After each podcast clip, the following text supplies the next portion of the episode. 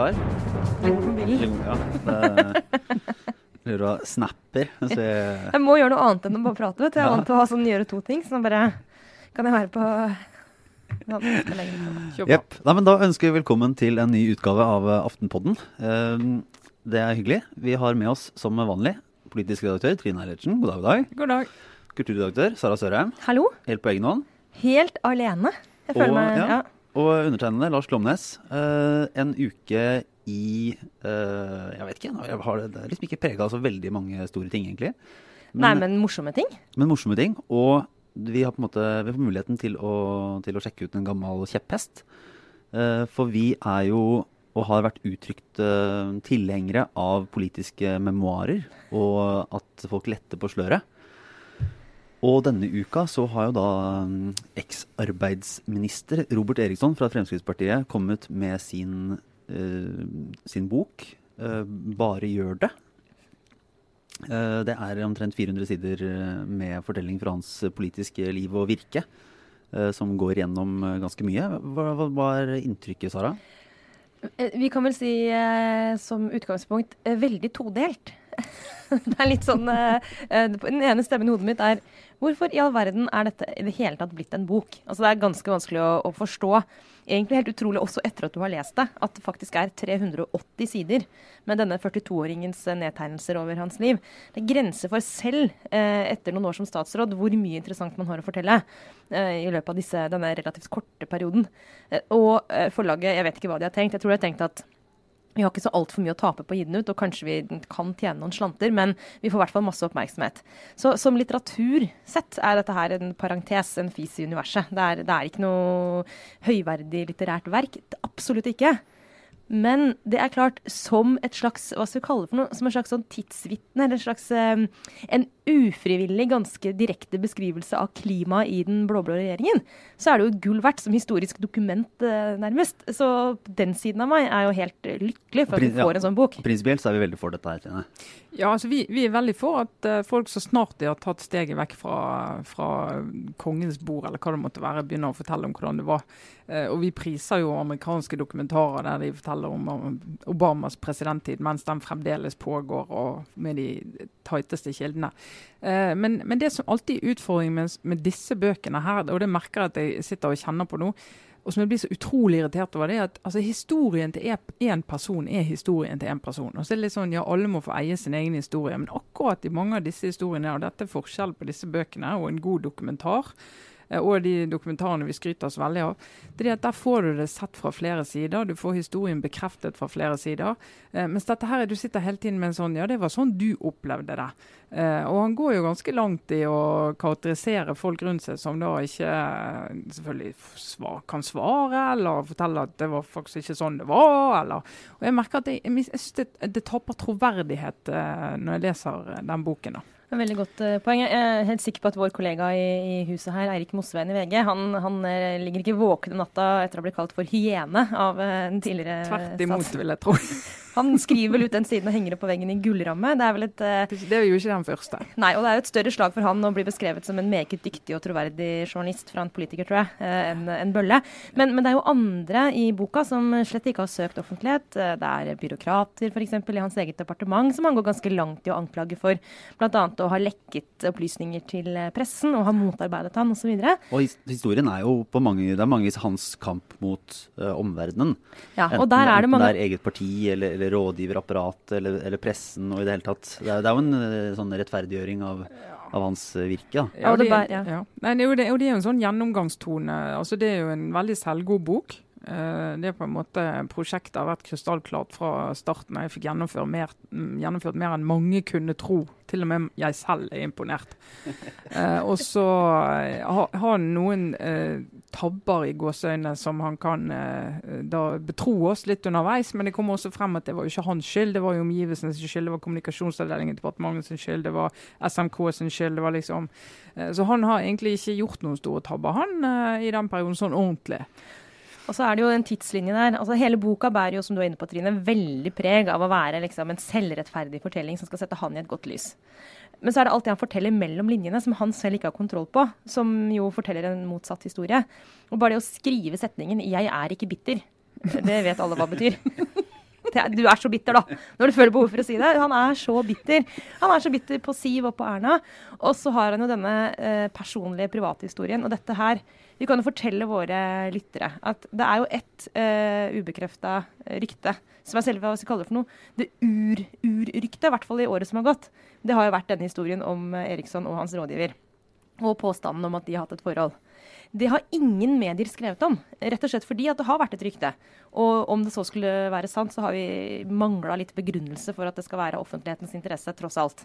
Så det har ikke blitt omtalt før han selv i en slags sånn, eh, det som virker som et forsøk på å renvaske seg rent sånn privat, da bretter ut i en bok hele denne historien om dette forholdet til rådgiveren sin. Det hadde han bare kunnet latt være, og så hadde det gått over i historien som nettopp et godt, men ubekrefta rykte. Mm. Så det er, det er, i seg selv en sånn psykologisk sett helt merkelig vurdering. Men så skal vi ikke spekulere i, i, hva som er motivene, annet enn at jeg bare noterer meg at den tidslinja han drar opp på når ting skjedde her, er bare litt sånn Oi, det passa innmari bra.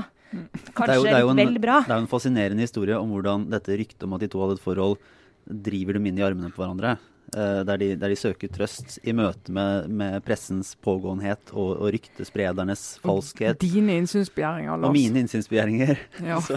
ja, vi kan jo fortelle altså det, det, var jo i alle redaksjonene, i hvert fall i DN og VG og Aftenposten, så var det jo sånn at vi, vi hører jo sånne rykter. Og så må vi sjekke om det er noe hold i dem, hvis vi tror at det på en eller annen måte kan være av offentlighetens interesse at de har dette forholdet. Eh, men så sjekker vi utrolig mange saker som vi aldri skriver noe om. Og dette var et eksempel på det. Vi ba om innsyn i reiseregninger bl.a. for å se om det var noe hold i disse ryktene. Men vi kom jo aldri så langt en gang, Trine, at vi vurderte å lage en sak på det. Jeg, altså, jeg tror vi kom ganske langt. Men, eh, men, det er jo et spørsmål her også på uh, altså, Det er jo ikke noe, dyneløft, det er ikke noen tradisjon for dyneløfting i norsk politisk journalistikk. Så om man, om man, så hadde kommet fram til at vi var helt sikre på at de hadde et forhold også som statsråd og rådgiver, så er det en ny diskusjon, så er det en ny diskusjon om man mm. ville vært i nærheten av å trykke det, på om det hadde noen, noen konsekvenser eller noe, noe, rett og slett noe, noe, informasjonsverdi utover den bare private historien. Mm. Uh, og så, så, langt kom vi jo i og for seg, i og for seg aldri. Men, men, uh, men det, det, er jo en uh, det er interessant at han, eh, etter at det faktisk har vært en sånn mer eller mindre presseintern historie i et år, eh, plutselig kommer med, ja, med hans ja. sannhet. da. Og så er Det jo, eh, det, den historien også forteller om, er jo hans forhold til sitt eget embetsverk. Han skriver jo om hvordan han kommer inn med egentlig en dyp dyp skepsis til embetsverket han skal lede, og så skal hjelpe han til å bli en god statsråd. Uh, og Du merker han helt fra første kveld kvelden når han møter uh, Ellen Seip, Depperodden. Um, er veldig skeptisk til hennes eh, forslag om hvordan de skal gjøre det. og dette kan jeg ikke bare. Altså, han, de, veldig mange andre statsråder de skryter jo veldig av embetsverket sitt og forteller at de gjør alt for å hjelpe dem, for å gjøre dem gode. Og det første de gjør, det er å legge til rette for at de kan gjøre en god jobb. liksom Gi dem en møtestruktur. Liksom, skal gjøre. Og Han var liksom helt avvisende i starten og var ikke interessert i den type råd. Han måtte gå gjennom alt. Og, og virker som en veldig sånn umoden leder som ikke eh, altså omfavner muligheten til å få den hjelpen han kan få. Uh, og, og, dette, hun Ulrikke Holmøy, denne rådgiveren, da, som uh, plutselig fikk uh, alt ansvar for å ta alle presseanvendelser, mens kommunikasjonsavdelingen i departementet ble satt til på siden. Både fordi han ikke stolte på de, han syntes ikke de var noe gode. Uh, han har opplevd seg baksnakket av dem. Det er klart at Sånne ting inni et departement, så et dårlig forhold mellom statsråden og embetsverket, det er ganske sjelden vi får, uh, får innsikt i. Så akkurat det syns jeg er interessant. Han, han, hadde jo sin måte, forklaringsmodell på dette her, og som han fra starten av boka sier at han ville være en, den type statsråd som leder, ikke blir ledet av embetsverket. Uh, hadde jo en åpenbar frykt for at embetsverket skulle på en måte overta og styre. Og det, ja, som du sier, fra første kveld så begynner han da på en måte å å sette grenser for, for embetsverket og på en måte ikke ville gå med på hvordan det har vært gjort før. Mm. Og dette er jo et eksempel på det som jeg snakket om i sted, det med at han forteller mer enn han egentlig er klar over om seg selv og sine i dette tilfellet manglende lederegenskaper. Og så, og så, er han også en sving innom eh, kommunikasjonsavdelingen, som, som nevnt, og eh, hvor udugelig den er, og at kommunikasjonsavdelingen i departementet ikke hjelper statsråden, men, eh, men tvert imot kanskje til og med innimellom stikker kjepper i hjulene. Og i hvert fall ikke er noe asset. sånn at han da som Trine sa, etter hvert setter sin rådgiver inn ansvar, med ansvar for presse. Og Da sier han jo også at han har forståelse for eh, Kjetil Solvik-Olsen og hans oppgjør med kommunikasjonsavdelingen i, i, sitt departement, i samferdsel, hvor det har vært en, en kjempekonflikt. Det, jeg, det er interessant. Eh, det vitner jo om en mistillit, en sterk mistillit, eh, som Trine sa, til embetsverket. Men også hele ideen om hva en kommunikasjonsavdeling i et departement skal gjøre.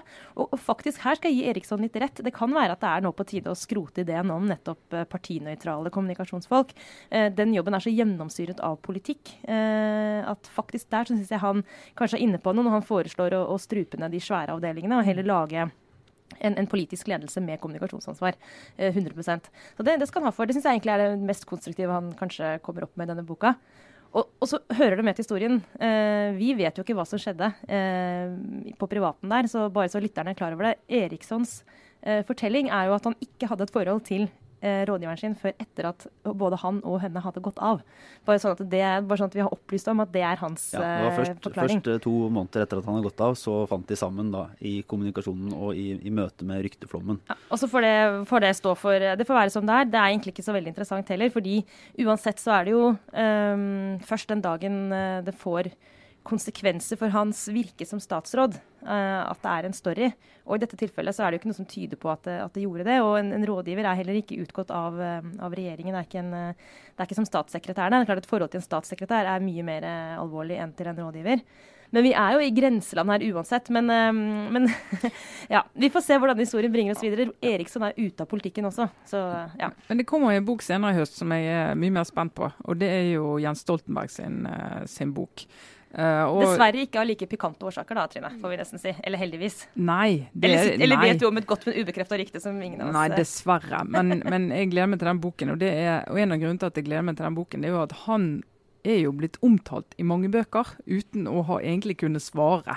Og så eh, altså, Han er jo ikke typen som vil gå liksom i, i, rette med sine kritikere sånn løpende, bok for bok. Men han kommer jo til å fortelle historier som gjør at en del av hans kritikere eh, får et slags tilsvar. Så jeg er litt sånn spent på det. Så Fisk opp igjen en del av de bøkene der han har fått gjennomgå som eh, veik og svak leder, og historien jeg håper han skriver om forholdet til Gerd Liv Valla og LO. og altså, Masse sånt. Som jeg, jeg håper ikke han, eh, han bare går inn For jeg snakket så vidt med han om den boken i fjor. Da sa han at han hadde han hadde så veldig lyst til å skrive altså han skulle skrive om pensjonsreformen og de store tingene. og Han begynt å skrive om det, så allerede gått 700 sider. Å oh, gud, nei, nei, nei. Og, og, så Han har nok fått råd om å, om å stramme inn, og det er jo litt den typen han er. Så jeg håper jo han også bruker litt tid på å fortelle hvordan det opplevdes. og ja, eh, spenningen i den rød-grønne regjeringen og sånn. For det er jo kjempeinteressant å høre fra the man himself. Jeg, håper, jeg tror jeg vet det som er redaktør på boka. Jeg, det håper jeg virkelig, for det er en, en metabolide egenskaper. Altså, jeg har 700 sider om pensjonsreformen. Det blir, det blir tiårets skuffelse på bokfronten. Det blir verre enn at beretninger om beskyttelse to aldri kom. Og nå ja. klarte vi nesten en, en, liten eh, overgang inn i reformhjørnet,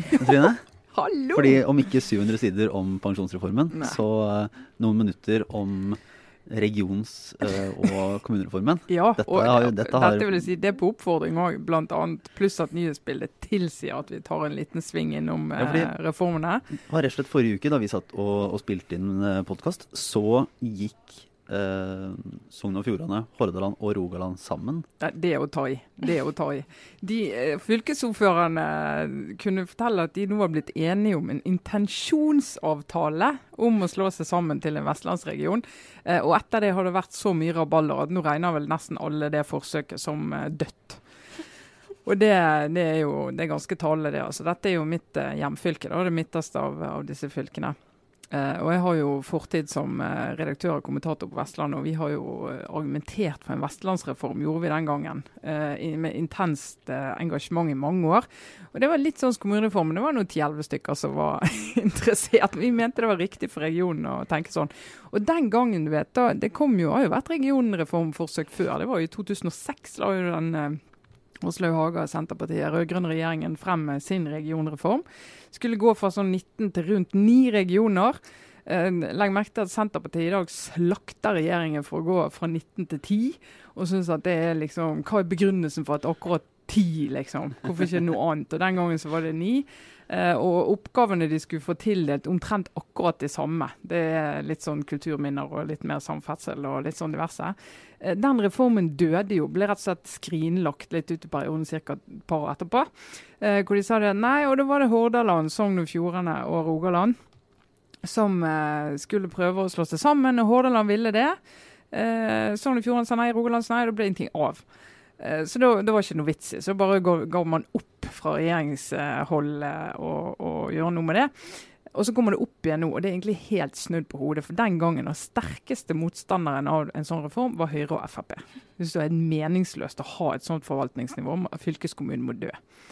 Og det, har de alltid, og det mener de jo enda også, men så har de tvunget til å utrede en sånn reform da, eh, som en del av enigheten med, med sentrumspartiene. Og KrF er veldig opptatt av fylkeskommunen? KrF er svært opptatt, nesten sykelig opptatt av fylkeskommunen. Er det fordi de har et sånt si? bankende hjerte for institusjoner som holder på å tryne, liksom? Statskirken, fylkeskommunen. De bare, de bare klarer ikke å være å kjempe for det. Eller fins det en rasjonell grunn?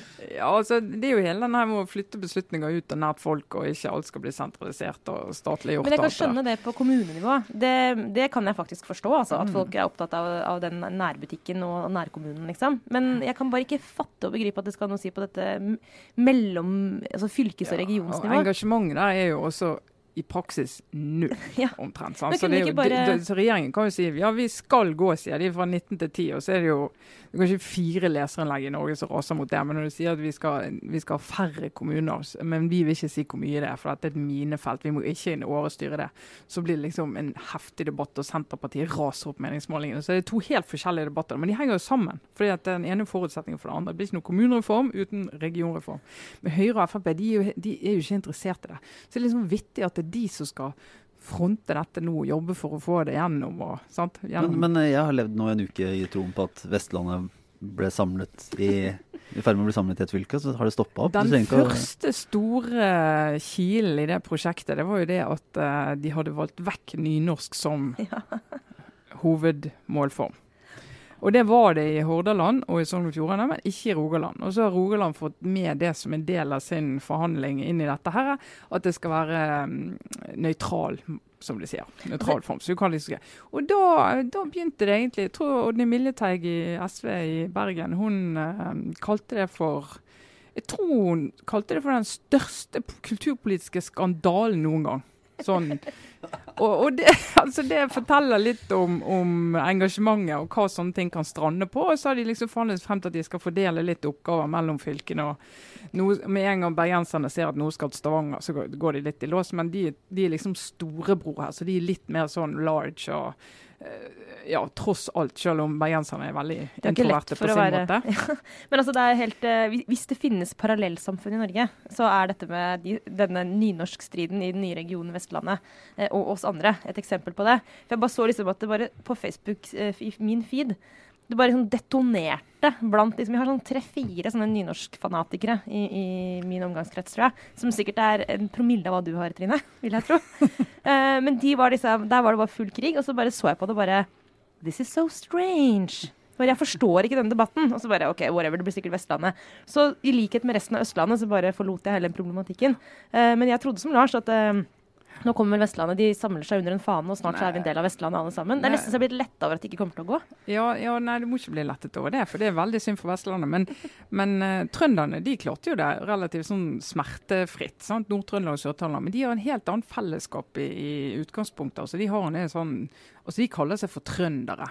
Altså Om du er fra Nord- eller Sør-Trøndelag, du er jo trønder, og de har liksom si, sterkere kulturelt fellesskap enn eh, vestlendingene. For det er sånn, altså En bergenser så er jo Sogn og Fjordane altså Luster og Jæren du... er så langt unna Bergen som det nesten går an å komme. Og det er liksom Ja, det, det er nok tøffere å klare å bygge noe eh, på, på Vestlandet. Pluss at Bergen har lang tradisjon for å være en arrogant by som har gitt helt blaffen i omlandet sitt, mens Trondheim f.eks. har hatt mye mer sånn samvirke med sitt omland. Og, og er mer en sånn naturlig regionhovedstad da, enn uh, Jeg tror det er få i Sogn og Fjordane og Rogaland som liksom unner Bergen å være sånn regionhovedstad. Så det er masse sånn gammelt agg. Jeg og Lars sitter med store øyne og bare ser på Trine nå, som forteller om livet på, på, andre siden av fjella. Vi blir litt sånn wow, men det kommer jo ikke til å skje, da, med andre ord. Det er egentlig kortversjonen. Altså, akkurat nå henger det jo inn i en uh, tynn tråd, dessverre. Tynn tråd heter det. Ja. Mm. Ja. Det er veldig farlig med sånn fast uttrykk. Må egentlig ligge unna. Men eh, er det noen andre fylker som Jeg tror vi skal runde av dette nå ganske snart, egentlig? Før, ja. det, før, det går, Nei, eneste- før jeg blir altfor sjokkert. Ja, er du sjokkert? Nei, altså Agder-fylkene regner vi jo med at det skal ordne seg. Og så eh, er jo Oslo Der er jo eh, Høyre og Arbeiderpartiet i Oslo er jo helt enige om at de skal ikke slå sammen med noe som helst. De skal ikke fratas noen oppgaver, skal ikke flyttes noen oppgaver fra Oslo. Eh, mens Akershus kunne jo godt tenkt seg det, for de ser at de det kunne jo, vi har jo litt å snakke om både på samferdsel og andre steder som åpenbart går litt trått i dag. Ja, og her kan jeg skyte inn. Det eneste jeg har sånn med meg fra min oppvekst her på Østlandet, er sånn eh, lokalpolitisk sånn type agg knytta til hvor man har, hører hjemme og sånn, det er jo at eh, fylkeskommunen som jeg kommer fra, nemlig Akershus, kontoret til Akershus fylkeskommune, som man en veldig sjelden gang måtte forholde seg til, det ligger jo i Oslo. Det er på en måte den ultimate ydmykelsen. Ja. Eh, Så det må vi bare altså det er, Herregud, få slått oss sammen, liksom. Det er helt latterlig. Men uh, dette kan vi jo sikkert komme tilbake til. Ja, Men dette går unna, for alt dette skal jo egentlig være klart til våren. Så dette er en sånn lynreform, egentlig, når vi snakker eh, reformhjørnet. da. Ja. Så bare suser av gårde, hvis, hvis ikke alt rakner, og det har det jo en tendens til å gjøre. Litt uh, Norge, altså. pessimistisk. Men uh, Sara, uh, kan du få lov til å ri din kjepphest? Ja, det er så deilig denne uken her. Var litt sånn uh, Få lov til å, å ha litt kjepphester. Men jeg skal være ganske kort. Men jeg er jo like pessimistisk på vegne av min, mine interesser som det Trine er akkurat nå, tror jeg. Det er jo en sorgens dag eller uke i Storbritannia. Nå på lørdag kåres vinneren av valget i Labour. Partiledervalget. Og hvis ikke det har skjedd et eh, slags mirakel, så blir det Corbyn som blir erklært som vinner på lørdag. Eh, valget er nå avsluttet, eh, og så driver de og teller opp. Og så har de, har de sitt landsmøte i helgen, og da, da skal han etter all sannsynlighet opp på podiet og eh, ta imot hyllesten fra partiet sterkere enn noen gang. Altså det er helt utrolig. Som partileder, han har aldri stått sterkere enn han kommer til å gjøre etter er det eh, mest dette. mislykka kuppforsøket noensinne? Altså, hallo! Det er altså helt det er talentløst. Altså, vi snakker et eh, kuppforsøk som etter sigende har hatt Alistair Campbell med på laget. Verdens beste spinndoktor. Altså, jeg er så skuffa. Hvordan, hvordan kunne du? Hvordan klarte de å skusle bort denne muligheten? Og jeg vet at det er, lett å på en måte snakke litt sånn Se dette nesten som et slags drama eller en såpeopera, men, men sannheten er jo at uh, sentrum-venstre-politikken i Storbritannia er med dette død. Uh, kanskje i flere tiår fremover. Uh, det er et, et politisk system hvor det er utrolig vanskelig å starte nye partier. Det er nest, altså, eh, Enmannskretser og flertallsvalg og ja. First past the post-systemet. Altså, vi så på hva som skjedde med forrige valg. Altså, de hadde, UKIP hadde 13 eh, oppslutning og fikk én, altså én inn i parlamentet. Så du, du, ja. sånn at det, det å bryte ut og lage et nytt parti, eh, sosialdemokratisk parti, det er veldig vanskelig. Og det å gi opp Labour-navnet er også sitter langt inne. For den ganske store delen tross alt av Labour som ikke støtter Corbyn. Eh, men, men som eh, politiske redaktørene i Spectator påpeker denne uken, så har nå eh, Corbyn-fløyen makten i partiet fra topp til bunn. Altså helt fra partilederen helt ned til grasrota. Det har faktisk aldri skjedd før i Labour. Eh, Blair var jo en eh, elitekandidat på mange måter, eller 100 egentlig, og eh, styrte jo partiet, men hadde ikke med seg grasrota på samme måte. Så han har virkelig befesta sin stilling nå, Corbyn. Og det, ja. Th- Theresa May og toryene kan feire hele veien inn i neste valg. De kan bare lene seg tilbake. Eh, Jeg tror de hadde sett for at den, de månedene kunne bli enda litt tøffere etter brexit-fadesen. Ja. Da så det litt mørkere ut for, for meg og hele Bojo-kampen med Boris Johnson og, og Michael Gove. Ja, det og har alt, alt det egentlig- dramaet har bare dødd helt ut. Og nå kan de holde på i fred. Ja, Tory har vært i sin største eh, krise på ekstremt lenge. Altså Partiet har Men eh, Labour har klart å ta oppmerksomheten bort fra det. Det er ganske utrolig. Det er helt utrolig. Regjeringspartiet er i krise, men opposisjonen klarer å være i mer krise. Ja. Og det er jo da altså eh, Vi kommer jo helt sikkert tilbake til dette, men det er jo én ting som er veldig eh, sånn Unnskyld uttrykket, men mindfuckende. Det er jo at eh, eh, hele poenget med politikk sant, er jo viljen til makt. Ønsket om å få innflytelse og makt. Og det, det har jo man likt kanskje på venstresida å kaste en sånn mistankens slør over til tider. Men, men det å ville komme i posisjon fordi du tror at dine løsninger er det beste, det er på en måte drivkraften. Men nå har det jo etter hvert liksom dannet seg et bilde, og man begynner å innse at ganske store deler av kretsen rundt Corbyn er ikke interessert i å komme i posisjon. Altså Det er ikke det å være i posisjon som er drivkraften, det er de trives i opposisjon. Og etter at Blair, uh, som med rette ble anklaget for å kompromisse altfor mye for å holde på makten altså et, Labour etter det, det er nesten det å ha makt i seg selv blitt uh, noe ufint. Det gjelder selvfølgelig ikke alle, men det er en såpass sterk kraft i partiene at argumentene om at ja, vi gjør oss uvalgbare de neste tiårene, det faller jo på stengrunn. Ja, so what? Vi skal være verdens beste opposisjon. Vi, vi er rene og ranke. Og da vet du, da er det sånne kommentatorer og andre sånne som oss, folk som oss, da bare må vi kaste kortene. For uh, hvordan forholder man seg til det? Det er helt ny uh, det, ja. Så det er fascinerende tider. Men du sørger litt, du nå? Uh så. Forestill deg at liksom Blair og, og, eller David Milliband, da, som jeg hadde ønska skulle ta over Labour, forestill deg at det er mitt Vestlandet, Trine. Så skjønner du hvordan jeg har det. og på samme måte så klarer du å rote det til. Det er helt utrolig. Mm. Men det er spennende, da. Ja. Eh, ja. Gud bedre meg. Jeg tror vi går videre til eh, den obligatoriske refleksjonen. Mm. Jeg kan begynne. Jeg har jo, det er egentlig litt to litt ting. da. Jeg har jo fått, faktisk fått i oppgave fra sjefredaktøren å, ta min egen obligatoriske refleksjon, i likhet med alle andre ansatte i Aftenposten, uh, på om, om, jeg vil fortsette i Aftenposten, rett og slett. Uh, fordi man er villig til å gi meg penger for å slutte. Det er det der berømte ordet omstilling. Som, ja. uh, som, jo virker som et abstrakt uh, ord. Litt sånn nok et ord, helt til det treffer deg i trynet og det gjelder din egen arbeidsplass. Nå skal jeg si Det er heldigvis ikke så personlig retta mot meg. Uh, det, det, gjelder alle. Rett mot alle. Det er rett mot alle. Ja. så, så, det må jeg tenke på. Så, så, det, det, reflekterer du over? Det, det kommer jeg til å reflektere litt over. Siden jeg er redaktør, så kan ikke jeg reflektere sammen med deg, Lars. Nei. Beklager. Og ikke jeg heller, Lars. Nei. Så you're on your own. Jeg skal reflektere alene. Men hvis det er noen som har noen kjempespennende jobbtilbud, så er dette uka å komme med.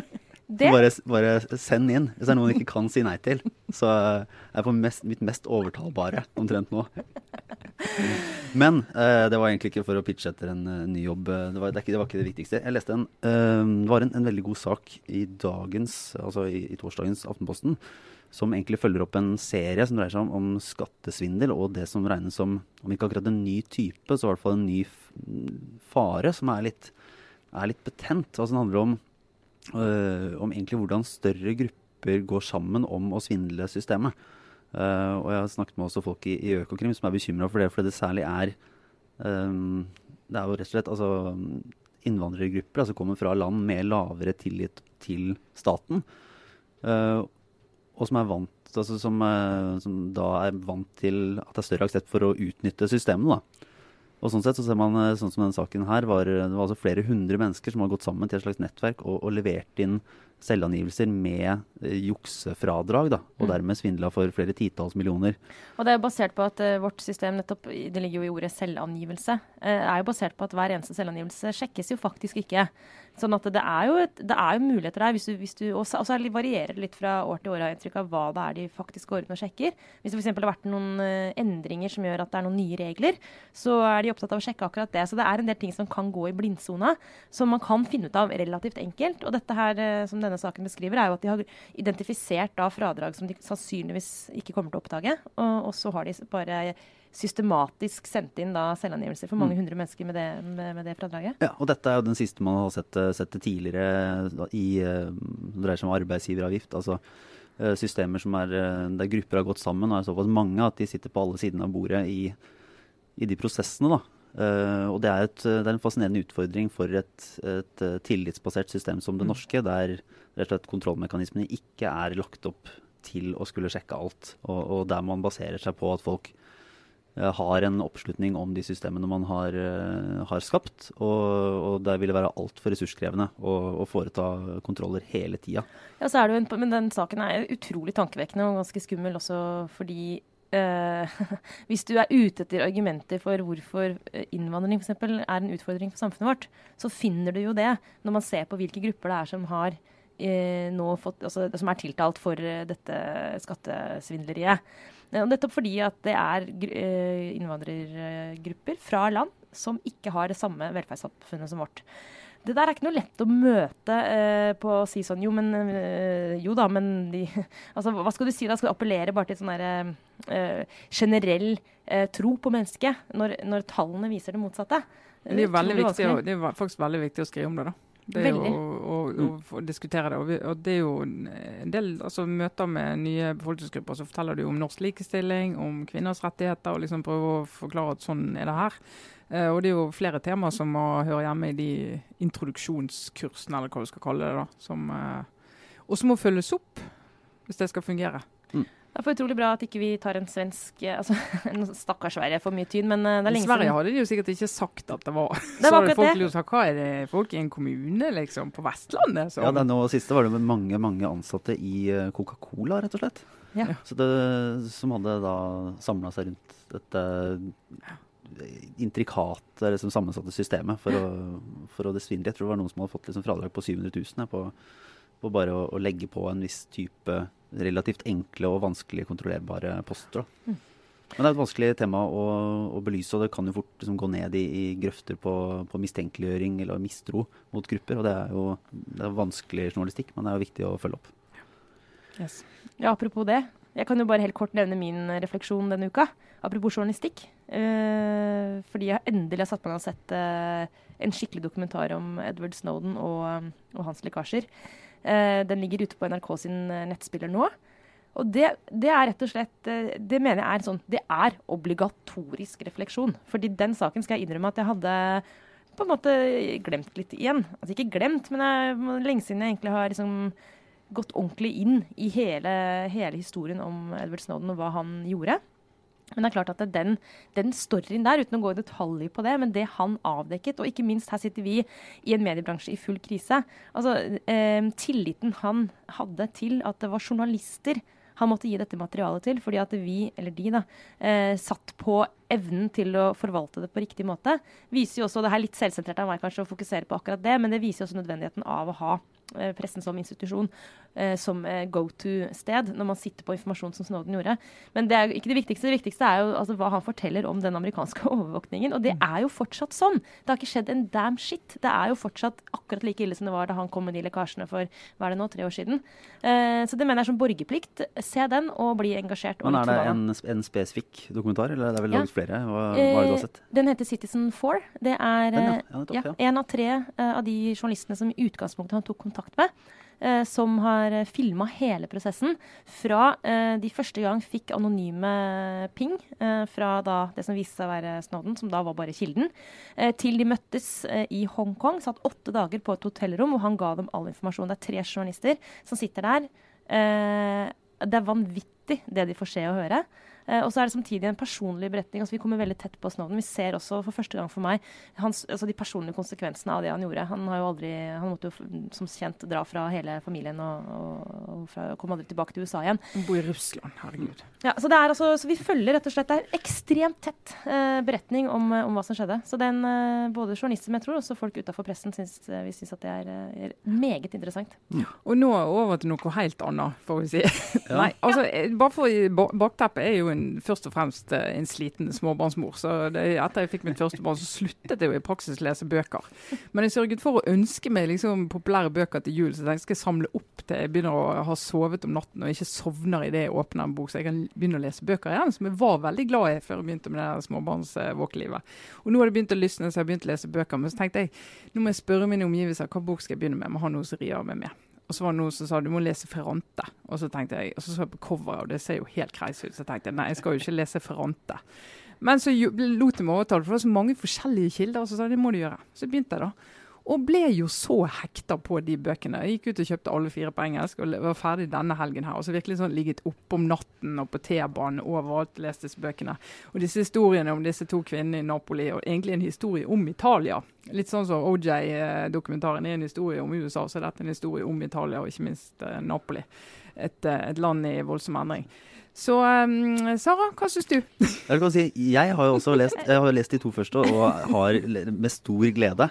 Og så viser det seg at kulturredaktøren med hard hånd slår ned på, på denne leselisten Ja. eh, i resten av, eh, resten av eh, redaksjonen vår. Altså, Jeg trodde at jeg, dette kunne være min lekegrind, men jeg skulle slippe å møte det der ferantefjaset. Fordi eh, i resten av mitt liv, altså som ikke mm, altså rett og slett ute i kulturverdenen, hvor jeg jo tilbringer store deler av mitt yrkesliv, har det vært en sånn ferantemania eh, i det siste. Du er lovlig seint ute, Trina, om jeg kan være så arrogant ja, og å påpeke men, det. Men det med alle bøker. Jeg er ett år bakpå på alle bøker. og Nå verre- tidlig ut med Robert Eriksson, da. Tok det på dag én.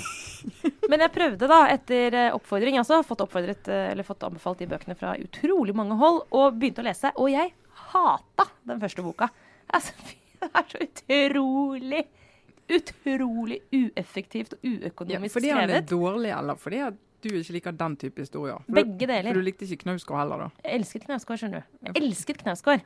Men poenget er at Ferrante, det er altfor mange ord, og det er litt ironisk at det kommer fra meg, kanskje. Men øh, kanskje har det ikke gjøre å høre på det som en podkast, men å lese en sånn, sånn ordflom øh, som ikke fører noe sted. Og det er jo, jeg, jeg, Kanskje er jeg preget av min eh, også småbarns eh, søvnmangeltilværelse, men det må liksom skje noe. Eh, den boka der opplever jeg som Jeg syns den er overfladisk, og jeg syns den er jålete i språket, og jeg tror ikke på karakterene. Så takk for meg, Ferrante. Og det skrev jeg på Facebook, og fytte rakkeren, senest i forgårs, tror jeg, så kom det en god venninne bort og sa, så på meg med alvorlig blikk og bare du, det du skrev om Ferrante på Facebook, du mente ikke det? Bare, jo, jeg syns den boka er utrolig kjedelig. Eh, og hun var sånn Jeg tror hun vurderte sånn Skal jeg slå opp med Sara som venn? Ja. Så Trine, du er ikke alene, men, eh, men jeg tror at det sitter en del folk der ute som er enig med meg, og som føler på. Og, som ikke Det- tør å si det. Ja. Nå, nå har de fått en stemme, Sara. De Det, ja, men det er, sånn, det er sånn som alle sånne raringer sier. Det er sånn, jeg snakker egentlig for en, en mye større gruppe, de bare tør ikke å innrømme det. si det. Ja, og forresten, dere vet 9-11. Det var eh, Dere vet hva som egentlig skjedde da? Inside job. Ja, nei, men, eh, men eh, det, ja, jeg, bare, jeg bare ser på Trine og tenker at det er We Også shall never du, meet. Også du. Ja, Ja. Men det er jo du og det der Game of Thrones og sånn, så vi har jo mye vi ikke kan snakke om, vi. Vi har det. Vi har det, Men eh, vi kan heldigvis snakke om den neste. Altså, vi, denne høsten her, altså det er så Jeg må bare si det avslutningsvis. Det er så deilig at vi er i gang. Vi er jo inne i altså, September og oktober er de beste månedene sånn, eh, i politisk journalistikk. Det Nærmer seg statsbudsjett, da. Ja, ja, ja. Det blir en fest. Det blir en fest. Ja, vi får takk for oss for denne gang. Eh, det var, eh, var godt at vi fikk blåst ut på det der, Sara. Ja, det var deilig. Det var terapi, dette her. Ja. Jeg skal jo minne om, eh, om Facebook, eh, lille Facebook-siden vår, der vi deler eh, diverse ting som folk kan følge med på gjennom uka. Og så får alle bare ha en hyggelig helg og absolutt. Så takker vi for oss. Trine Eilertsen, Sara Sørheim, Lars Lomnes. Ha det bra.